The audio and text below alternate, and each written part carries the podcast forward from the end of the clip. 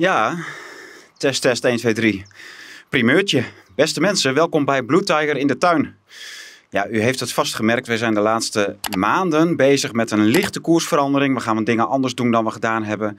Blue Tiger, uh, ja, die was uh, nodig aan een update toe. En dat, zijn we, dat hebben we nu gedaan. En dat is ook de reden gelijk waarom u de laatste maanden wat minder van ons gehoord heeft vanuit de studio en leuke andere dingen. Daar hebben we wat minder tijd voor gehad, want achter ons staat Menno. Een, uh, ja, de, eigenlijk gewoon de laatste, laatste fases van een heel groot project. U heeft misschien wel eens gehoord van de makkelijke moestuin of van de, de moestuin op je balkon of de moestuin dit en de moestuin dat. Iedereen is ermee bezig en wij waren er dus ook mee bezig. Dan wordt een speerpunt, want hoe leg je een moestuin aan en een kas, et cetera. In ieder geval een tuin waar je uit kunt eten waar je zo min mogelijk werk van hebt. Nou, daar zijn de laatste decennia, zeker de laatste twintig jaar, heel veel nieuwe ontwikkelingen uh, geweest op dat gebied. Dus wij hebben zo'n Engelse methode, no dig heet dat, graaf niet. Uh, en uh, ja, daar gaan we mee aan de gang. Wat we vandaag gaan doen, is laten zien wat wij in onze tuin gedaan hebben.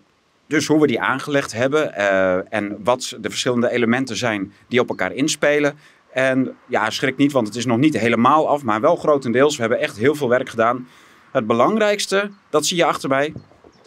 En dat is uh, ja, karton. Tom, wat doet dat karton daar? Nou, dat kan ik je uitleggen. Uh, normaal gesproken, klassieke moestuin was elk jaar spitten, alles omspitten, lekker de bodem losmaken. Dat doen we niet. Wij leggen karton over de bestaande grond heen. Dat is een hele beproefde methode. Die is nu al zo'n tien jaar lang heel populair en wordt ook steeds populairder. Uh, je kunt op Instagram kijken wat mensen daarmee doen. Maar dat karton dat wordt een nieuwe bodemlaag. En dat houdt de groei van onkruid uit de bestaande bodem tegen. En daar komt overheen bijvoorbeeld compost, mest. Uh, als je een moestuin gaat maken. Maar in dit geval, dit wordt het stukje tuin waar vruchten en fruit groeien. Dus bessen, appelboom, et cetera. En daar komen dus houtsnippers overheen. En dan aan die hekjes daar komen hele lekkere Japanse wijnbessen aan. En dat is mijn persoonlijke favoriet. En daar wil ik heel veel van oogsten. Dus daar komt een heel uh, groot uh, stuk van in de tuin. We gaan naar het volgende stuk. Menno? Ja, dit is het, een stukje tuin waar het eigenlijk om draait. Uh, de moestuin zelf is praktisch af. Daar uh, komen uh, nog wat houtsnipperpaadjes en zo in. Maar ook hier ligt een laag compost van ongeveer 20, 25 centimeter over karton. Die compost die is heel vruchtbaar en mest. Als je goed kijkt, dan zie je ook allemaal andere rare dingen om die moestuin heen staan. Dat is een haagje, dus er komt een, een mooie beukenhaag omheen. Maar daaromheen hebben we, ja, dat was mijn eigen idee. We hebben namelijk last van mollen hier. Dan kun je dat gewoon bestrijden met mollenklemmen en dergelijke. Dat doen we ook wel, maar ik weet hoe enorm desastreus een mol kan zijn in de groentetuin. Of muizen of ratten of wat dan ook. Dus we hebben gewoon een halve meter diep mollengaas en rattengaas de grond ingegraven. En geen mol die daar nog in komt. Het is allemaal echt allemaal nieuw aangelegd. Dus is, er is waanzinnig veel gebeurd. Er zijn echt bijna 100 kuub aan grind, zand, aarde, compost, et cetera. En er komt nog meer bij, want de kas die wordt nu afgemonteerd. En daar gaan we nu uh, naartoe. Want wat wil je met een groentetuin als je geen kas hebt? Nou ja, dat uh, onze master kassenbouwer, die, uh, die is nog zijn de laatste hand aan het leggen. Die is glas aan het zetten in de kas. En dat is ook gelijk onze master homesteader. Zeg je dat zo, William? Homesteader? Oké. Ja, William is echt een waanzinnige homesteader. En hij en zijn vrouw hebben ook een waanzinnige moestuin thuis. Echt een hele grote, met een grote kas. En ook met uh, kippen, kalkoenen, konijnen, biggen, et cetera. Gewoon als hobbyboer. En die homesteaden gewoon hun eigen eten bij elkaar. En dat was eigenlijk ook voor mij de inspiratie om deze methode te gaan uh, toepassen. Dus nood ik geen uh, schoffelen of graven, maar wel met compost en mest een soort eigen klein kringloop tuintje of kringloop landbouwtje te gaan plegen op en rond het huis. En gelukkig hadden wij daar de ruimte voor. En dat geldt niet voor misschien u of andere kijkers. En wat doen we daar dan aan? Nou, wij gaan ook in die kas gaan we kijken wat u, ook al heeft u een balkon, voor leuks in uw, op uw balkon met een kleine moestuinbak of met een kleine balkonkas nog kunt verbouwen aan waardevols waarvan je denkt van nou, dat is uh, handig spul om te hebben. Uh, dus ook al heb je een balkon, wees, wees niet bevreesd. We gaan gewoon kijken wat wij met u op dat balkon nog kunnen gaan verbouwen. En dan die kas, daar ziet u, die kas, daar ziet u een, een hoop compost in het midden liggen. Dat, dat wordt wel ongeveer zo hoog. En dan ziet u ook nog resten karton onder. En dat is precies de, wat wij ook, ehm, zoals we ook de moestuin hebben aangelegd. Tom, hoe bouw je nou een kas? Ja, dat doet Tom niet. Hij moet wel mooi zijn en de, ik ben niet handig genoeg om en iets moois en iets functioneels te maken. Dus ja, dat, daarom uh, is William hier aan het helpen. Uh, fantastisch werk gedaan. Hij kan metselen, hij kan echt alles. Dus uh, hij, ja, dan gaan we eens even kijken wat hij precies allemaal gedaan heeft. Menno, wij hebben trouwens wel die fundering samen gedaan. Dat wel. Met Nico. Ja. we hebben beton staan vlechten. Dat was eigenlijk opvallend makkelijk om te doen. Gewoon een fundamentje onder die kas. Die fundering is gewoon beton.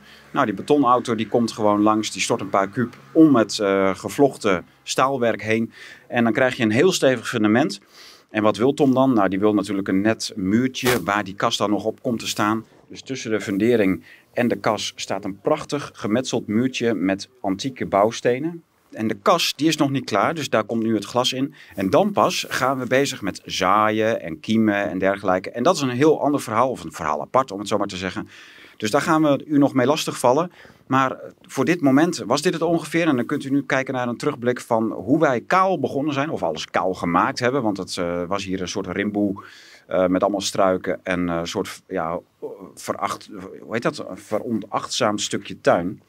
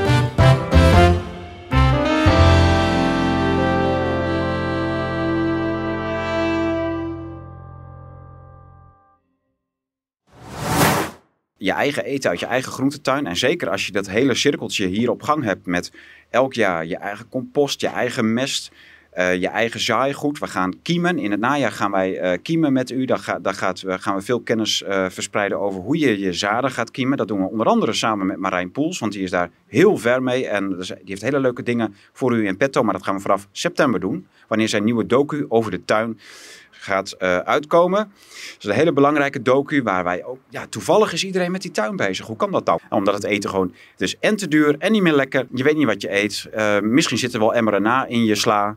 En uh, ja, wie wil dat nou? We, hebben, we gaan grofweg de komende maanden dus al die stappen in de groentetuin bij langs. Ik laten zien wat je en hoe je dat allemaal doet en wat je kunt verbouwen. Maar die epoch die komt er dus ook. Daar, daar komt in woord en beeld een hele mooie handleiding van onder andere William en zijn vrouw helpen ons daarmee mee. Want voor ons is het natuurlijk ook allemaal nieuw. Er, zijn, er is veel leuke literatuur. Er zijn veel leuke filmpjes op internet. En daar gaan we hopelijk ook iets aan bijdragen in het Nederlands.